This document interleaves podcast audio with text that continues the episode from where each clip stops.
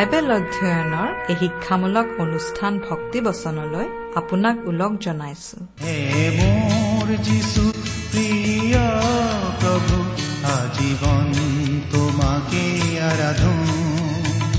তোমাৰ কাষত হৃদয় সদায় মধুৰতাৰে সুৰ আমাৰে সৈতে আজিৰ এই অনুষ্ঠান শুনিবলৈ বহাৰ বাবে আপোনালৈ অশেষ ধন্যবাদ। আপোনাৰ দৰে শ্ৰোতাই আমাক সদায় প্ৰেৰণা যোগায়। এই অনুষ্ঠানটিৰ যোগেৰে আমি আপোনাক লগ পাই থাকিলে আমি বৰ উৎসাহ পাওঁ। আমি মানুহ সঁচাকৈ ইজনে আনজনৰ সম্পৰ্কত থাকি বৰ ভাল পোৱা প্ৰাণী।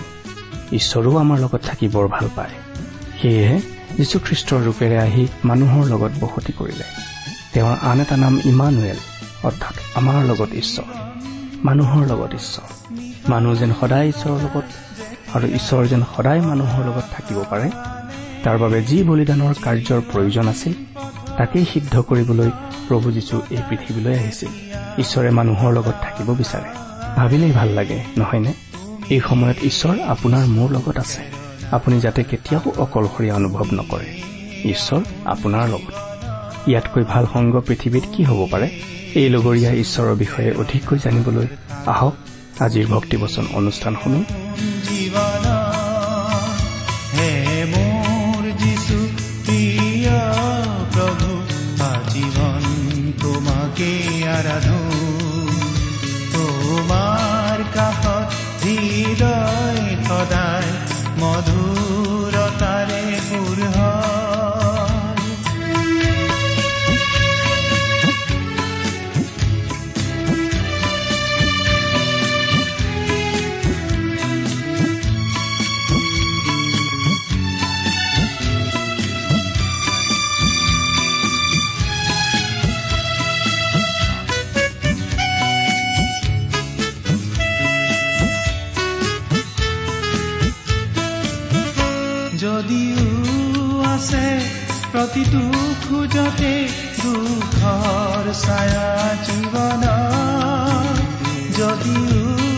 আছে প্ৰতিটো খোজতে দুখৰ ছায়া জীৱন তুমি গভীৰ সান্তনাৰ সাগৰ তুমি সাধনা জীৱন তুমি গভীৰ সান্তনাৰ সাগৰ তুমি সাধনা জীৱন হে মোৰ যিছু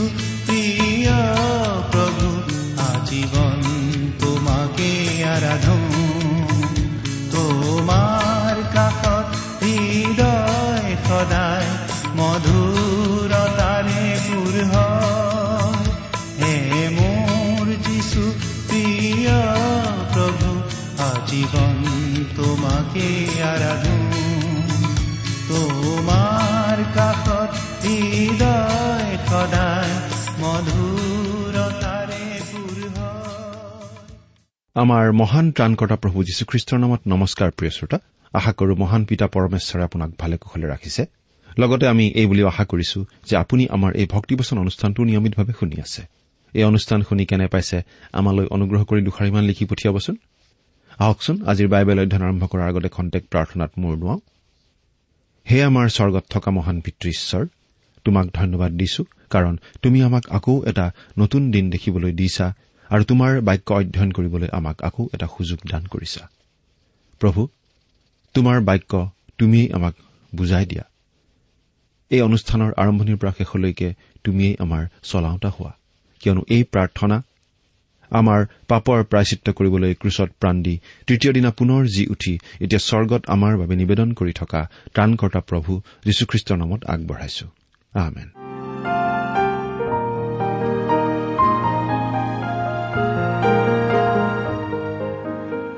প্ৰিয় শ্ৰোতা আপুনি যদি আমাৰ এই ভক্তিবচন অনুষ্ঠান নিয়মিতভাৱে শুনি আছে তেনেহলে আপোনাৰ নিশ্চয় মনত আছে যে আমি আজি কিছুদিন ধৰি বাইবেলৰ নতুন নিয়ম খণ্ডৰ ফিলিপিয়াবিলাকৰ প্ৰতি পত্ৰ বা চমুকৈ ফিলিপিয়া পুস্তকখন অধ্যয়ন কৰি আছো। নহয় জানো? এই পত্ৰখন লিখিছিল পাচনি পৌলে। ফিলিপিত থকা খ্ৰীষ্টীয় বিশ্বাসীসকললৈ পাচনি পৌলে এই চিঠিখন লিখিছিল। তেওঁ ৰোমত কাৰাগাৰত বন্দী হৈ থকা অৱস্থাৰ পৰা। পাচনি পৌলে ফিলিপিত থকা খ্ৰীষ্টীয় বিশ্বাসীসকললৈ লিখা এই চিঠিখনত আমি ইতিমধ্যেই বহুতো কথা পঢ়িবলৈ পালো। এতিয়া পাচনি পৌলে এই চিঠিখনৰ সামৰণি মাৰিব ধৰিছে।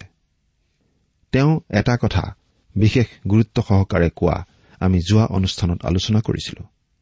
যোৱা অনুষ্ঠানত আমি এই ফিলিপিয়া পুস্তকখনৰ তিনি নম্বৰ অধ্যায়ৰ আমি প্ৰায় শেষৰ পদকেইটালৈকে আগবাঢ়ি গৈছিলো। আমি ঊনৈশ নম্বৰ পদলৈকে পঢ়ি আমাৰ আলোচনা আগবঢ়াইছিলো। আজিৰ অনুষ্ঠানত আমি এই তিনি নম্বৰ অধ্যায়ৰ বিশ নম্বৰ পদৰ পৰা আমাৰ আলোচনা আৰম্ভ কৰিম। আমি এটা কথা বিশেষ গুৰুত্ব সহকাৰে আলোচনা কৰিছিলো। পাচনি পৌলে কৈছে যে তেওঁ ইচ্ছা কৰা হলে নিজৰ ধাৰ্মিকতাক লৈ গৌৰৱ কৰিব পাৰিলেহেঁতেন। তেওঁ নিজৰ বংশ পৰম্পৰাক লৈ গৌৰৱ কৰিব পাৰিলেহেঁতেন। কিন্তু তেওঁ খ্ৰীষ্টক বিশ্বাস কৰি খ্ৰীষ্টৰ যোগেদি অৰ্জন কৰা ধাৰ্মিকতাতেই ভৰসা কৰিছে আৰু অতীতৰ সকলো কথা পাহৰি সন্মুখত থকা বিষয়বোৰলৈ লক্ষ্য কৰি তেওঁ বিশ্বাসৰ পথত দৌৰি আছে। তেওঁ যে ভৱিষ্যতে বঁটা লাভ কৰিব সেই বঁটা আশা কৰি খ্ৰীষ্টীয় বিশ্বাসৰ দৌৰ তেওঁ দৌৰি আছে। তাৰ পাছত আমি পাইছিলো। পাচনি পৌলে ফিলিপিয়া বিশ্বাসীসকলক বিশেষভাৱে অনুৰোধ কৰিছে তেওঁলোকেও যাতে তেওঁৰ নিচিনাকৈ খ্ৰীষ্টীয় বিশ্বাসৰ দৌৰত দৌৰি থাকে। তেওঁলোকে যাতে তেওঁক অনুকৰণ কৰে। পাচনি পৌলে এই বুলিও উল্লেখ কৰিছে যে বহুতো লোকে আন ধৰণেহে চলিছে। তেওঁলোক আচলতে ক্ৰুচৰ শত্ৰু। তেওঁলোকে কেৱল নিজৰ কথাহে চিন্তা কৰে। তেওঁলোকে কেৱল নিজৰ লাভলৈহে চায়। তেওঁ কৈছে ফিলিপিয়া খ্ৰীষ্টীয় বিশ্বাসী লোকসকল যাতে তেনেকুৱা নহয়। আজিৰ অধ্যয়নত আমি এই ফিলিপিয়া পুস্তকৰ তিনি নম্বৰ অধ্যায়ৰ বিশ নম্বৰ পদৰ পৰা আমাৰ অধ্যয়ন আৰম্ভ কৰিব খুজিছো। আপুনি আপোনাৰ বাইবেলখন মিলি লৈছেনে বাৰু? আমি বাইবেলৰ পৰা পাঠ কৰি দিম। যদিহে আপোনাৰ লগত বাইবেল আছে তেতিয়াহ'লে অনুগ্ৰহ কৰি চাই যাব। আৰু যদিহে বাইবেল নাই তেতিয়াহ'লে আমি পাঠ কৰি দিম। অনুগ্ৰহ কৰি মন দি শুনিব। পাঠ কৰি দিছো ফিলিপিয়া তিনি নম্বৰ অধ্যায়ৰ বিশ নম্বৰ পদ। ইয়াত এনেদৰে লিখা আছে কিয়নো আমি যি ৰাজ্যৰ মানুহ সেই ৰাজ্য স্বৰ্গত আছে। তাৰে পৰাই আহিব বুলি আমাৰ ত্ৰাণকৰ্তা অৰ্থাৎ প্ৰভু যীশুখ্ৰীষ্টলৈ অপেক্ষা কৰি আছো। আমি যি ৰাজ্যৰ মানুহ। আমি খ্ৰীষ্টীয় বিশ্বাসীসকলৰ নাগৰিকত্ব আচলতে এই পৃথিৱীত নাই। ইয়াত নিহিত হৈ আছে সম্পূৰ্ণ জীৱন ধাৰণৰ প্ৰণালীৰ কথা। ইয়াৰ অৰ্থ হৈছে এটা নতুন জীৱনধাৰা এগৰাকী ব্যক্তিয়ে এই কথাখিনি এনেদৰে অনুবাদ কৰিছিল। আমাৰ নগৰীয়া ঘৰ স্বৰ্গতহে আছে। পাচনি পৌলে ঠিক এনেধৰণৰ ভাৱ এটা ইয়াত প্ৰকাশ কৰিছে। ইয়াত যিটো মূল গ্ৰীক শব্দ ব্যৱহাৰ কৰা হৈছে সেইটো হৈছে পলিথিঅ অৰ্থাৎ নাগৰিকৰ দৰে ব্যৱহাৰ কৰা। ফিলিপি নগৰ এখন উপনিৱেশ আছিল। তাত ৰোমৰ আইন কানুন চলিছিল।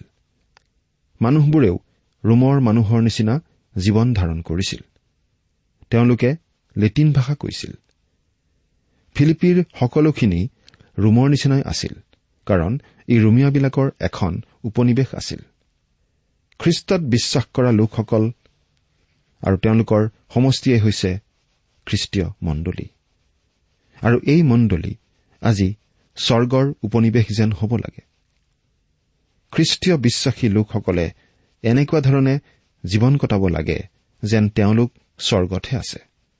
তেওঁলোকে ক'ব লাগে স্বৰ্গৰ ভাষা। কিন্তু দুখৰ বিষয় এইয়ে যে প্ৰায়েই এনেকুৱা নহয়। কিন্তু এইটোৱেই আমাৰ লক্ষ্য হোৱা উচিত। পাচনি পৌলে কৈছে আমি প্ৰতিজন খ্ৰীষ্টীয় বিশ্বাসী এই পৃথিৱীত খ্ৰীষ্টৰ ৰাষ্ট্ৰদূতৰ নিচিনা। আমি এই পৃথিৱীত স্বৰ্গ আৰু স্বৰ্গৰ বাণীৰ প্ৰতিনিধিত্ব কৰিব লাগিব। কাৰণ আমাৰ নাগৰিকত্ব স্বৰ্গৰহে। সেই স্বৰ্গৰ পৰাই আমাৰ ত্ৰাণকৰ্তা প্ৰভু যীশুখ্ৰীষ্ট আকৌ এই পৃথিৱীলৈ আহিব। এয়েই প্ৰতিজন খ্ৰীষ্টীয় বিশ্বাসীৰ গৌৰৱময় আশা। প্ৰভু যীশুৰ আগমনলৈ অতি আনন্দেৰে অতি আশাৰে বাট চাব পাৰে খ্ৰীষ্টীয় বিশ্বাসীসকলে। প্ৰিয় শ্ৰোতা প্ৰভু যীশুৰ আগমন আকৌ হ'ব।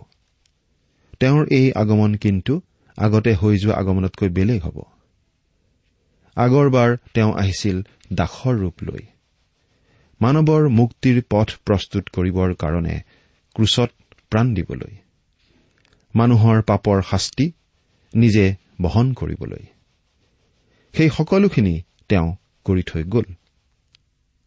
কিন্তু তেওঁ আকৌ যেতিয়া আহিব তেওঁ আহিব ৰজা হিচাপে। এই যুগৰ অন্ত পৰিব। কিন্তু সকলো সামৰণি পৰাৰ আগে আগে মহাক্লেশ হ'ব। কিন্তু খ্ৰীষ্টীয় মণ্ডলীয়ে সেই মহাক্লেশৰ মাজেৰে পাৰ হ'ব লগা নহ'ব কাৰণ পৃথিৱীত মহাক্লেশ হোৱাৰ আগে আগেই খ্ৰীষ্টীয় মণ্ডলীক পৃথিৱীৰ পৰা উঠাই লৈ যোৱা হ'ব। যেনেকৈ হনুকক ঈশ্বৰে পৃথিৱীৰ পৰা উঠাই লৈ গৈছিল। কিছুমান লোকে ক'ব খোজে ঈশ্বৰে খ্ৰীষ্টীয় বিশ্বাসীসকলক মহাক্লেশৰ মাজতো সম্পূৰ্ণ নিৰাপদে ৰাখিব পাৰে? নিশ্চয় পাৰে। মহাপ্লাৱনৰ সময়ত নোহক জাহাজত উঠাই ৰক্ষা কৰাৰ নিচিনাকৈ ঈশ্বৰে সেই মহাক্লেশৰ সময়তো খ্ৰীষ্টীয় বিশ্বাসীসকলক নিশ্চয় ৰক্ষা কৰিব পাৰে। কিন্তু ঈশ্বৰে নোহক ৰক্ষা কৰিছিল জাহাজত উঠাই। আনহাতে হনুকক ঈশ্বৰে পোনে পোনে পৃথিৱীৰ পৰা উঠাই লৈ গৈছিল। মহাক্লেশৰ সময়ত ঈশ্বৰৰ দুদল মানুহ থাকিব। এদল হ'ব ঈশ্বৰে পৃথিৱীৰ পৰা উঠাই লৈ যোৱা দল। তেওঁলোকক এই পৃথিৱীৰ পৰা লৈ যোৱা হ'ব। ফিলাডেলফিয়াত থকা মণ্ডলীক এই বুলি কোৱা হৈছিল তুমি মোৰ ধৈৰ্যৰ কথা পালন কৰাত যি পৰীক্ষাৰ কাল পৃথিৱী নিবাসীবিলাকক পৰীক্ষা কৰিবৰ কাৰণে গোটেই জগতৰ ওপৰলৈ আহিবলৈ উদ্যত আছে। সেই কালৰ পৰা ময়ো তোমাক ৰক্ষা কৰিম। এই কথা আমি পঢ়িবলৈ পাওঁ। প্ৰকাশিত বাক্য তিনি নম্বৰ অধ্যায়ৰ দহ নম্বৰ পদত। আৰু আনটো দল মহাক্লেশৰ মাজেৰে পাৰ হৈ যাব লাগিব। বৃহৎ সংখ্যক পৰজাতীয় লোক আৰু এক লাখ চৌৰাল্লিছ হাজাৰজন যিহুদী লোক এই মহাক্লেশৰ মাজেদি পাৰ হৈ যাব। তেওঁলোকে খ্ৰীষ্টক বিশ্বাস কৰিব আৰু তেওঁলোকক ঈশ্বৰে মোহৰ মাৰিব। কিন্তু আমি বিশ্বাস কৰো ইতিপূৰ্বেই খ্ৰীষ্টত বিশ্বাস কৰা খ্ৰীষ্টীয় বিশ্বাসীসকল অৰ্থাৎ খ্ৰীষ্টীয় মণ্ডলীয়ে এই মহাক্লেশৰ সন্মুখীন হ'ব নালাগে।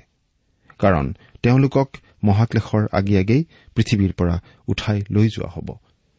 আমি এই শাস্ত্ৰপদটো পঢ়ি এটা কথা অনুমান কৰিব পাৰো যে খ্ৰীষ্টৰ পুনৰ আগমনৰ কাৰণে পাচনি পৌলে অতি উৎসাহেৰে অতি আনন্দেৰে বাট চাই আছিল। প্ৰভু যীশুৰ দ্বিতীয় আগমন কেতিয়া হ'ব সেই কথা কোনেও নাজানে কোনেও ক'ব নোৱাৰে। কেৱল মাত্ৰ পিতৃ ঈশ্বৰেহে জানে। সেইটো কাকো জানিবলৈ দিয়া হোৱা নাই।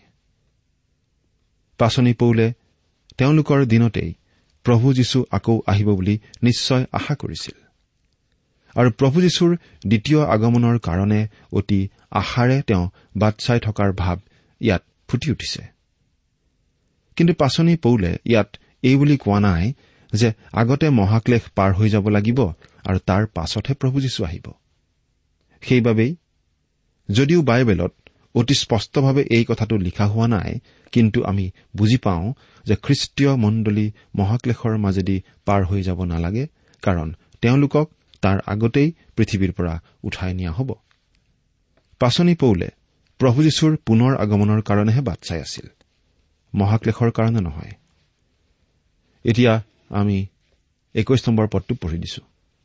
তেওঁ যি কাৰ্যসাধক গুণেৰে সকলোকে নিজৰ বশীভূত কৰিব পাৰে তাৰ দৰেই তেওঁ আমাৰ এই নিহ অৱস্থাৰ শৰীৰক ৰূপান্তৰ কৰি তেওঁৰ প্ৰতাপৰ শৰীৰৰ সমৰূপ কৰিব। নিহ অৱস্থাৰ শৰীৰ মানে আমাৰ অস্থায়ী বা ক্ষণস্থায়ী এই শৰীৰটোৰ কথা কোৱা হৈছে। অৰ্থাৎ আমাৰ এই পাৰ্থিৱ শৰীৰটোৰ কথা কোৱা হৈছে। প্ৰভু যীশুৱে আমাৰ এই পাৰ্থিৱ শৰীৰটো সলনি কৰিব। আমাৰ যি শৰীৰ আছে এই শৰীৰটো তেজ মঙহেৰে গঠিত পাৰ্থিৱ শৰীৰ ক্ষয়নীয় শৰীৰ। নানা বাধা নানা দুৰ্বলতা নানান সীমাবদ্ধতাৰ অধীন আমাৰ এই শৰীৰটো। এই শৰীৰটো এই পৃথিৱীৰ বাবেহে। পৃথিৱীৰ পৰিৱেশ পৰিস্থিতিৰ সৈতে খাপ খোৱা আমাৰ এই শৰীৰ। কিন্তু আমাৰ শৰীৰটো মহাকাশলৈ যোৱাৰ উপযুক্ত নহয়। আমাৰ শৰীৰবোৰ পাৰ্থিৱ শৰীৰ। কিন্তু এই পাৰ্থিৱ শৰীৰটো এদিন সলনি হ'ব। প্ৰভু যীশুৱে আমাৰ এই শৰীৰটো সলনি কৰিব। তেওঁৰ প্ৰতাপৰ শৰীৰৰ সমৰূপ কৰিব। আমাৰ পাৰ্থিৱ শৰীৰ ক্ষয়নীয় এই অস্থায়ী শৰীৰ। কিন্তু এদিন এই শৰীৰ আমি পৰিত্যাগ কৰিম। এই শৰীৰ আমি পৰিত্যাগ কৰিম কাৰণ এই শৰীৰ ক্ষয়নীয়। এই শৰীৰ ৰূপান্তৰিত হ'ব। এই শৰীৰে নতুন ৰূপ পাব। আজিয়েই যদি আমাৰ শৰীৰ সলনি হলহেঁতেন ৰূপান্তৰিত হ'ব আমাৰ শৰীৰ। প্ৰভু যীশুৰ প্ৰতাপৰ শৰীৰৰ সমৰূপ হবলৈ আমাৰ শৰীৰ হৈ পৰিব ঠিক প্ৰভু যীশুৱে পুনৰুত্থানৰ পাছত গ্ৰহণ কৰা শৰীৰৰ নিচিনা। এই শৰীৰ হ'ব গৌৰৱময় শৰীৰ। কৰিন্ঠিয়াবিলাকলৈ লিখা পত্ৰত পাচনি পৌলে এই শৰীৰৰ বিষয়ে উল্লেখ কৰিছে এনেদৰে। চোৱা মই তোমালোকক এটি নিগূঢ়তত্ব কওঁ। আমি সকলোৱে নিদ্ৰিত নহম। কিন্তু শেষৰ তুৰিধ্বনিত এক তিলেকত চকুৰ প্ৰচাৰতে আমি ৰূপান্তৰিত হ'ম। প্ৰথম কৰিন্ঠিয়া পোন্ধৰ নম্বৰ অধ্যায়ৰ একাৱন আৰু বাৱন পদ। মন কৰিবলগীয়া কথাটো হ'ল তুৰিধ্বনিত চকুৰ পলকতে আমি ৰূপান্তৰিত হ'ম। এই শেষৰ তুৰিটো বাৰু কোনে বজাব? সেই বিষয়ে ইয়াত আমাক একো ইংগিত দিয়া হোৱা নাই। এই তুৰি বজোৱা কথাটো ইছৰাইলৰ ইতিহাসৰ সৈতে জড়িত। আমি ইতিমধ্যে পুৰণি নিয়মত পঢ়ি আহিছো যে মিছৰ দেশৰ পৰা উদ্ধাৰ হৈ আহি অৰণ্যৰ মাজেদি যাত্ৰা কৰোতে ইছৰাইল জাতিৰ লোকসকলে দুটা ৰূপৰ তুৰি ব্যৱহাৰ কৰিছিল। এই তুৰিৰ কথাটো আমি ভালদৰে বুজি নাপাওঁ কিন্তু ইছৰাইলীয়া লোকসকলে সহজে বুজি পাব। প্ৰথম থিচলেনিকীয়া পত্ৰখনত মণ্ডলিক পৃথিৱীৰ পৰা উঠাই নিয়াৰ বিষয়টোৰ সম্পৰ্কতো শেষৰ তুৰিধ্বনিৰ কথাটো উল্লেখ কৰা হৈছে। বাইবেলৰ পৰা পাঠ কৰি দিছো শুনিবচোন। কাৰণ জয়ধ্বনি প্ৰধান স্বৰ্গদূতৰ মাত আৰু ঈশ্বৰৰ তুৰিবাদ্যে সৈতে প্ৰভু নিজে স্বৰ্গৰ পৰা নামি আহিব আৰু খ্ৰীষ্টৰ আশ্ৰয়ত মৰা লোকবিলাকেই প্ৰথমে উঠিব। প্ৰথম থিচলনিকীয়া চাৰি নম্বৰ অধ্যায়ৰ ষোল্ল নম্বৰ পদ। ইয়াত ঈশ্বৰৰ তুৰিবাদ্য বুলি কোৱা হৈছে। প্ৰভু নিজে তুৰিবাদ্যে সৈতে স্বৰ্গৰ পৰা নামি আহিব। প্ৰভুৰ সেই মাত বাৰু কেনেকুৱা? আমি কল্পনাই কৰিব নোৱাৰো। গৌৰৱময় খ্ৰীষ্টৰ কণ্ঠৰ বিষয়ে জোহনে কি কৈছে আমি চাওঁ হওক। মই প্ৰভুৰ দিনত আত্মাত আছিলো। আৰু তুমি যি দৰ্শন পোৱা তাক পুথিৰ নোৰাত লিখি ইফিছ স্মৰ্ণা পৰগাম থুৱাতিৰা চাৰ্ডি ফিলাডেলফিয়া আৰু লাইডেকিয়া এই সাত মণ্ডলীলৈ পঠাই দিবা বুলি কোৱা। মোৰ পাছফালে তুৰিৰ মাতৰ দৰে বৰ মাত শুনিলো। প্ৰকাশিত বাক্য এক নম্বৰ অধ্যায়ৰ দহ আৰু বাৰ নম্বৰ পদ। এইখিনি কথানো কোনে কৈছে বুলি ঘূৰি চাই পাচনি জোহনে দেখিবলৈ পাইছিল প্ৰভু যীশুখ্ৰীষ্টক। গৌৰৱময় প্ৰভু যীশুখ্ৰীষ্টক। পাচনি জোহনে প্ৰভু যীশুৰ মাত শুনিছিল আৰু সেই মাত তুৰিৰ মাতৰ নিচিনা বুলি তেওঁ লিখি দিছে। প্ৰিয় শ্ৰোতা আজি প্ৰভু যীশুৱে আমাক কৈ আছে চোৱা মই দুৱাৰত থিয় হৈ টুকুৰিয়াই থাকো। কোনোৱে যদি মোৰ মাত শুনি দুৱাৰ মেলে তেন্তে মই তেওঁৰ তাত সোমাই তেওঁৰে সৈতে ভোজন কৰিম আৰু তেওঁ মোৰে সৈতে ভোজন কৰিব। এইখিনি কথা আমি পঢ়িবলৈ পাওঁ। প্ৰকাশিত বাক্য তিনি নম্বৰ অধ্যায়ৰ বিশ নম্বৰ পদত। আকৌ এবাৰ পঢ়ি দিছো। মই দুৱাৰত থিয় হৈ টুকুৰিয়াই থাকো। কোনোৱে যদি মোৰ মাত শুনি দুৱাৰ মেলে। তেন্তে মই তেওঁৰ তাত সোমাই তেওঁৰে সৈতে ভোজন কৰিম আৰু তেওঁ মোৰে সৈতে ভোজন কৰিব। এয়া হৈছে তেওঁ সন্ধিয়াৰ আহাৰৰ বাবে জনোৱা আমন্ত্ৰণ। সন্ধিয়াৰ আহাৰৰ বাবে জনোৱা শেষ আমন্ত্ৰণ। প্ৰভু যীশুৱে এনেদৰে আমাক কৈ আছে। এনেদৰে প্ৰতিজন খ্ৰীষ্টীয় বিশ্বাসীকেই তেওঁ জনাই দিছে। আৰু আচলতে তেওঁ প্ৰতিজন লোকৰ হৃদয়ৰ দুৱাৰত এনেদৰে টুকুৰিয়াই থাকে তেওঁ মাতি থাকে। আৰু তেওঁ ইয়াত এই বুলি জনাই দিছে কোনোৱে যদি তেওঁৰ সেই মাত শুনে আৰু তেওঁৰ সেই মাতৰ সেই আহানৰ প্ৰতি সঁহাৰি দিয়ে আৰু সঁহাৰি দি যদি নিজৰ হৃদয়ৰ দুৱাৰ খুলি দিয়ে নিজৰ জীৱনৰ দুৱাৰ খুলি দিয়ে আৰু প্ৰভু যীশুক নিজৰ হৃদয়লৈ আহান কৰে। তেতিয়াহ'লে প্ৰভু যীশুৱে সেই ব্যক্তিৰ হৃদয়ত প্ৰৱেশ কৰিব আৰু প্ৰৱেশ কৰি তেওঁৰে সৈতে একেলগে ভোজন কৰিব। তেওঁৰ লগতেই থাকিব আৰু তেওঁ প্ৰভু যীশুৰ সৈতে ভোজন কৰিব। এইটো কিমান গুৰুত্বপূৰ্ণ কথা প্ৰভু যীশুৱে কৈছে চিন্তা কৰি চাওকচোন। প্ৰভু যীশুৱে প্ৰতিজন ব্যক্তিকেই এনেদৰে মাতে। তেওঁ দুৱাৰত থিয় হৈ টুকুৰিয়াই থাকে। কিন্তু তেওঁ কোনো মানুহৰ তাতেই জোৰকৈ প্ৰৱেশ নকৰে। তেওঁ কেৱল টুকুৰিয়াই থাকে তেওঁ আহান জনাই থাকে তেওঁ মাতি থাকে। তেওঁক আমাৰ হৃদয়লৈ আহান জনোৱাৰ দায়িত্বটো আমাৰ। তেওঁৰ মাতৰ প্ৰতি সঁহাৰি দি তেওঁক আদৰি নিয়াৰ দায়িত্বটো আমাৰ।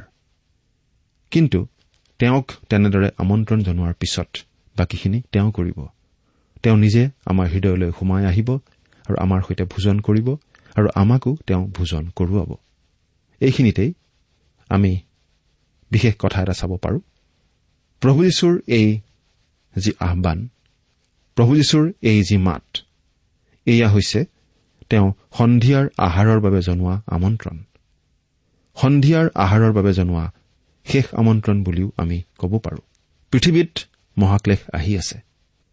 সেই মহাক্লেশৰ ৰাতিৰ আগে আগে প্ৰভু যীশুৱে তেওঁৰ ওচৰলৈ আহিবৰ কাৰণে মানুহক আহান জনাই আছে। পৃথিৱীলৈ মহাক্লেশ নামি অহাৰ আগে আগে পৃথিৱীৰ সকলো মানুহকে তেওঁ এনেদৰে আমন্ত্ৰণ জনাই আছে। তেওঁৰ ওচৰলৈ আহিবৰ বাবে প্ৰভু যীশুৱে জনোৱা এইটো হৈছে প্ৰভু যীশুৰ শেষ আমন্ত্ৰণ। এই আমন্ত্ৰণ যদি আমি শুনি সঁহাৰি নজনাওঁ তেতিয়াহ'লে মহাক্লেশৰ দিন অহাৰ লগে লগে সকলো সুযোগ শেষ হৈ যাব। প্ৰভু যীশুৰ এই আমন্ত্ৰণৰ প্ৰতি সঁহাৰি দি প্ৰভু যীশুত আশ্ৰয় লোৱা সকলো লোকেই পৰিত্ৰাণ পাব আৰু আহিবলগীয়া মহাক্লেশৰ পৰাও তেওঁলোকে ৰক্ষা পাব। কাৰণ মহাক্লেশ আৰম্ভ হোৱাৰ আগে আগেই খ্ৰীষ্টীয় বিশ্বাসী লোকসকলক পৃথিৱীৰ পৰা তুলি লৈ যোৱা হ'ব। এই কথাটো আমি গুৰুত্ব সহকাৰে চিন্তা কৰি চোৱা উচিত। আমাৰ এই নিহ অৱস্থাৰ শৰীৰক ৰূপান্তৰ কৰি তেওঁৰ প্ৰতাপৰ শৰীৰৰ সমৰূপ কৰিব। আমাৰ এই যি শৰীৰ এই শৰীৰটো নিহ অৱস্থাৰ শৰীৰ। কিন্তু আমাৰ এই নিহ অৱস্থাৰ শৰীৰ প্ৰভু যীশুৱে এদিন ৰূপান্তৰিত কৰিব আৰু তেতিয়া আমাৰ সকলোৰে শৰীৰ একে হ'ব। প্ৰভু যীশুৰ নিচিনা হ'ব। প্ৰভু যীশুৰ যি প্ৰতাপৰ শৰীৰ সেই প্ৰতাপৰ শৰীৰৰ নিচিনা হ'ব। ঠিক একেধৰণৰ ভাৱ এটা প্ৰকাশ পাইছে পাচনি জোহনৰ কথাত। তেওঁ এনেদৰে লিখিছে। পাঠ কৰি দিছো শুনিবচোন। প্ৰথম জোহন তিনি অধ্যায় দুই নম্বৰ পদত। তেওঁ লিখিছিল হে প্ৰিয়বিলাক এতিয়া আমি ঈশ্বৰৰ সন্তান আছো। কিন্তু পাছত কি হ'ম সেয়ে এতিয়ালৈকে প্ৰকাশিত হোৱা নাই। তেওঁ প্ৰকাশিত হলে আমি তেওঁৰ নিচিনা হ'ম। ইয়াকে জানো। কিয়নো তেওঁ যেনেকুৱা আছে তেওঁক তেনেকুৱাই দেখিম। প্ৰিয় শ্ৰোতা প্ৰতিজন খ্ৰীষ্টীয় বিশ্বাসীকেই আমি এনেদৰে ক'ব পাৰোঁ। আৰু প্ৰতিজন খ্ৰীষ্টীয় বিশ্বাসীয়ে এই কথা ক'ব পাৰে যে এতিয়া আমি ঈশ্বৰৰ সন্তান আছো কিন্তু পাছত কি হ'ম আমি এতিয়ালৈকে নাজানো। কিন্তু এই কথা হলে জানো যে পাছত প্ৰভু যীশু প্ৰকাশিত হোৱাৰ দিনা আমি তেওঁৰ নিচিনাই হ'ম। আমাৰ এই নিহ অৱস্থাৰ শৰীৰ ৰূপান্তৰিত হ'ব আৰু আমি তেওঁৰ নিচিনা প্ৰতাপৰ শৰীৰ পাম। খ্ৰীষ্ট এতিয়ালৈকে অহা নাই। কিন্তু যেতিয়া তেওঁ আহিব আমি তেওঁৰ নিচিনা হ'ম। প্ৰিয় শ্ৰোতা পাচনি পৌলে ভৱিষ্যতৰ বাবে অধীৰ আগ্ৰহেৰে এনেদৰে বাট চাই আছিল। আৰু সেয়ে আছিল তেওঁৰ আশা। আপুনি যদি নিজৰ বিষয়ে ভাবি চাই নিজৰ বিষয়ে চিন্তা কৰি চাই। আপোনাৰ জীৱনত সেই আশা বাৰু আছেনে? প্ৰভু যীশুৰ দ্বিতীয় আগমনৰ দিনা আপুনি বাৰু প্ৰভু যীশুৰ মুখামুখি হবলৈ তেওঁৰে সৈতে লগ হবলৈ আকাশলৈ উঠি যাব পাৰিবনে? আপুনি উত্তোলিত হবনে? আপুনি বাৰু প্ৰতাপৰ শৰীৰ লাভ কৰিবনে? চিন্তা কৰি চাওকচোন।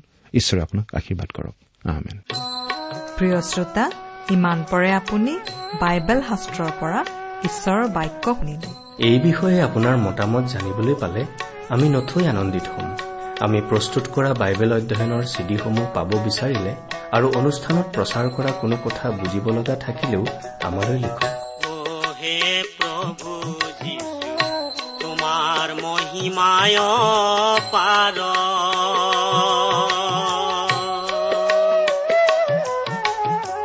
তোমাৰ চৰণে নভজিলো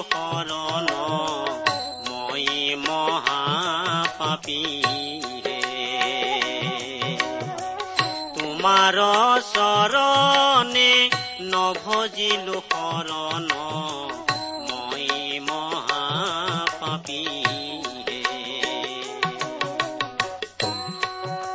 আমাৰ যোগাযোগৰ ঠিকনা ভক্তিবচন ট্ৰান্সপল ৰেডিঅ' ইণ্ডিয়া ডাক বাকচ নম্বৰ সাত শূন্য গুৱাহাটী সাত আঠ এক শূন্য শূন্য এক। ঠিকনাটো আকৌ এবাৰ কৈছো ভক্তিবচন ট্ৰান্সৱৰ্ল্ড ৰেডিঅ' ইণ্ডিয়া ডাক বাকচ নম্বৰ সাত শূন্য গুৱাহাটী সাত আঠ এক শূন্য শূন্য এক। আমি প্রভু মানব জাতি পাপতে আছো ডুবিয়ে।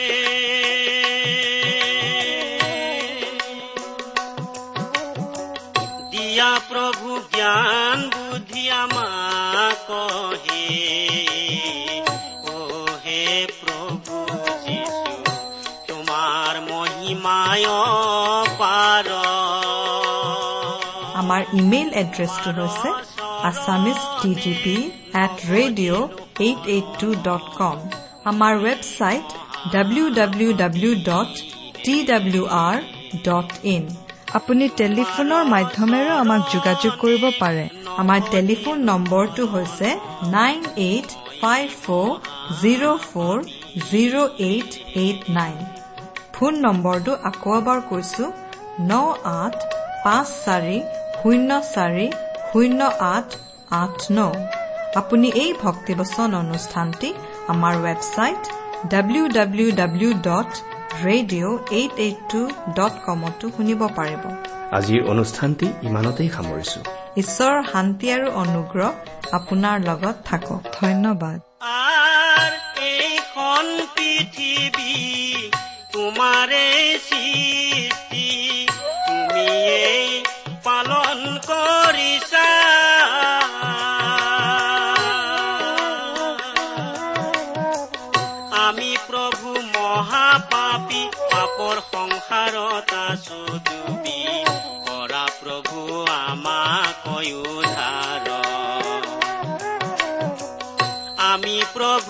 মহাপাপী পাপৰ সংসাৰত আছো ডুবি কৰা প্ৰভু আমাক উদ্ধাৰ অ হে প্ৰভু যিছু তোমাৰ মহিমায় পাৰ তোমাৰ চৰণে নভজিলো শৰণ।